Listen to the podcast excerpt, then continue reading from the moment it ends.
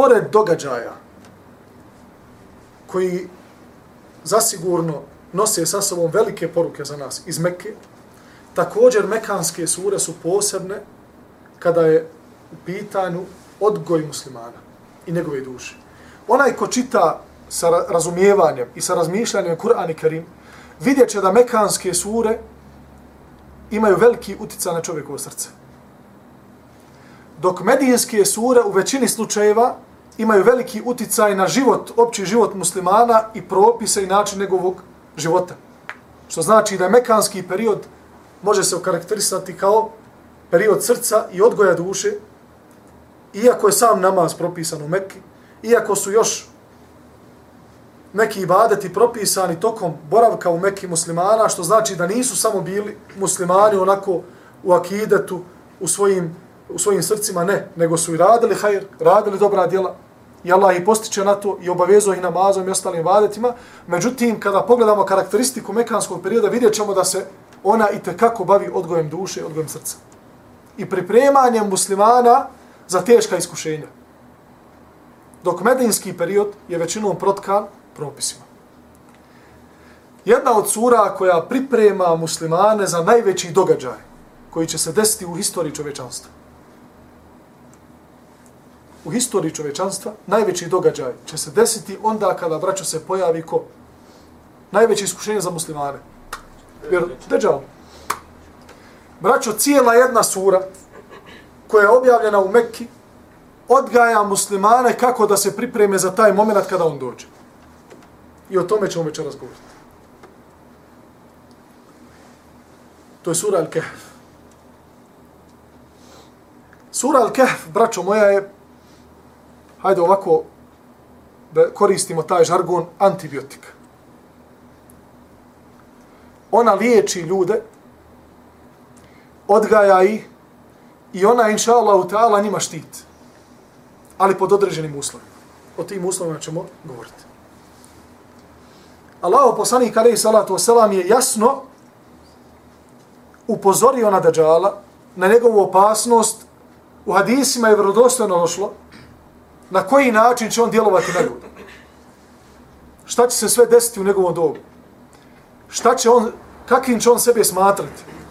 Da će on za sebe govoriti da je božanstvo. Pozivat u svoju vjeru, braću. Drugo, pored toga što bude pozivao svoju vjeru, smatrajući sebe Bogom, i Allah će mu da bi iskušao ljude u tom vremenu najveće fitne, dati mu određene mogućnosti koje nije dao drugim ljudima. Kao što je mogućnost oživljavanja i usmrćivanja. Svako može usmrtiti, ali da čovjeka prepoloviš od glave do pete, pa da onda mu kažeš ustane, da on ustane, to je velika fitna, braćo. To je velika fitna. Niti jedan Allahov poslanik nije došao svome narodu, a da ga nije upozorio na fitnu deđala. Niti jedan narod. S tim da Allahov poslanik, alaihi salatu wasalam, najviše govori o njemu i najpreciznije govori o njemu. I dao nam je jednu informaciju koju nisu davali poslanici prije njega. A to je da je on čorav. Jedno oko. Da je on čorav. Ne da ima samo jedno oko, kao što često na filmovima žele da prikažu masoni ili oni koji slijede, ne se bilo kod njih, žele da ga prikaže sa jednim okom, jer su površinski studirali islam. Ne, on ima dva oka, ali mu jedno šupljo. I kao takav će se pojaviti. I to će biti jedan od znakova vjernicima, kako će ga lakše prepoznati, iako pravi vjernik će pročitati na njegovome, na njegovom čelu riječi k, kaf, fa, ra. Kafir, nevjernik. Međutim, pored toga što će vjernik moći to da uradi, braćo moja, veoma bitno je da znamo kako se sačuvati držala. Jedno od načina kako se sačuvati držala jeste učenje sure El Kahf.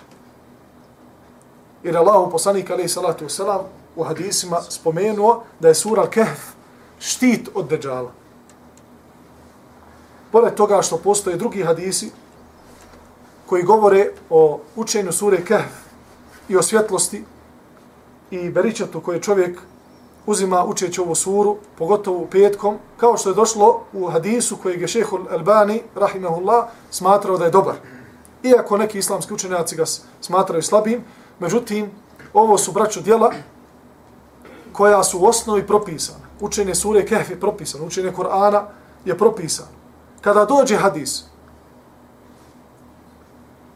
koji je dobar, znači njegov sened, sen, njegov sened nije toliko jak da biva vjerodostojni, niti da je uvršten u Buhari ili muslima, ali je dobar lanac. Nema u lancu neko ko je lažljivac. Nema jakog, nema jakog prekida u lancu koji je vidan. Znači da bi trebali, inša Allah, raditi po tim hadisima, jer ti hadisi u osnovi ne kose se sa onim što je došlo u osnovna šerivata kao što je u ovome hadisu, da će Allah subhanahu wa ta'ala načiniti svjetlo između onoga koji uči, koji uči e, suru Kahf petkom, sve do, do Kaabe. Učeći suru Kahf, zaštitit ćemo se od Dajjala. Rekli smo tako. Dobro, sada kogod prouči suru Kahf, bit će zaštićen. Tako. Znači, uzmemo petkom ili bilo kojim drugim danom, uzmemo suru Kahf, otvorimo 200 koju 293. stranicu Kur'ana i pročimo. Alhamdulillah illadin. Završimo sa surom Kehf. Tako radimo stalno. Pojavi se držav. Allah nas zaštiti. Imamo štit oko se. Je li tako? Nije tako. Nije tako.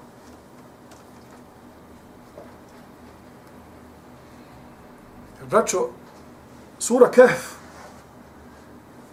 nemojte me porešno shvatiti, to nisu čarobne riječi koje će se izgovoriti kad se Dajjal pojavi i nevidljivi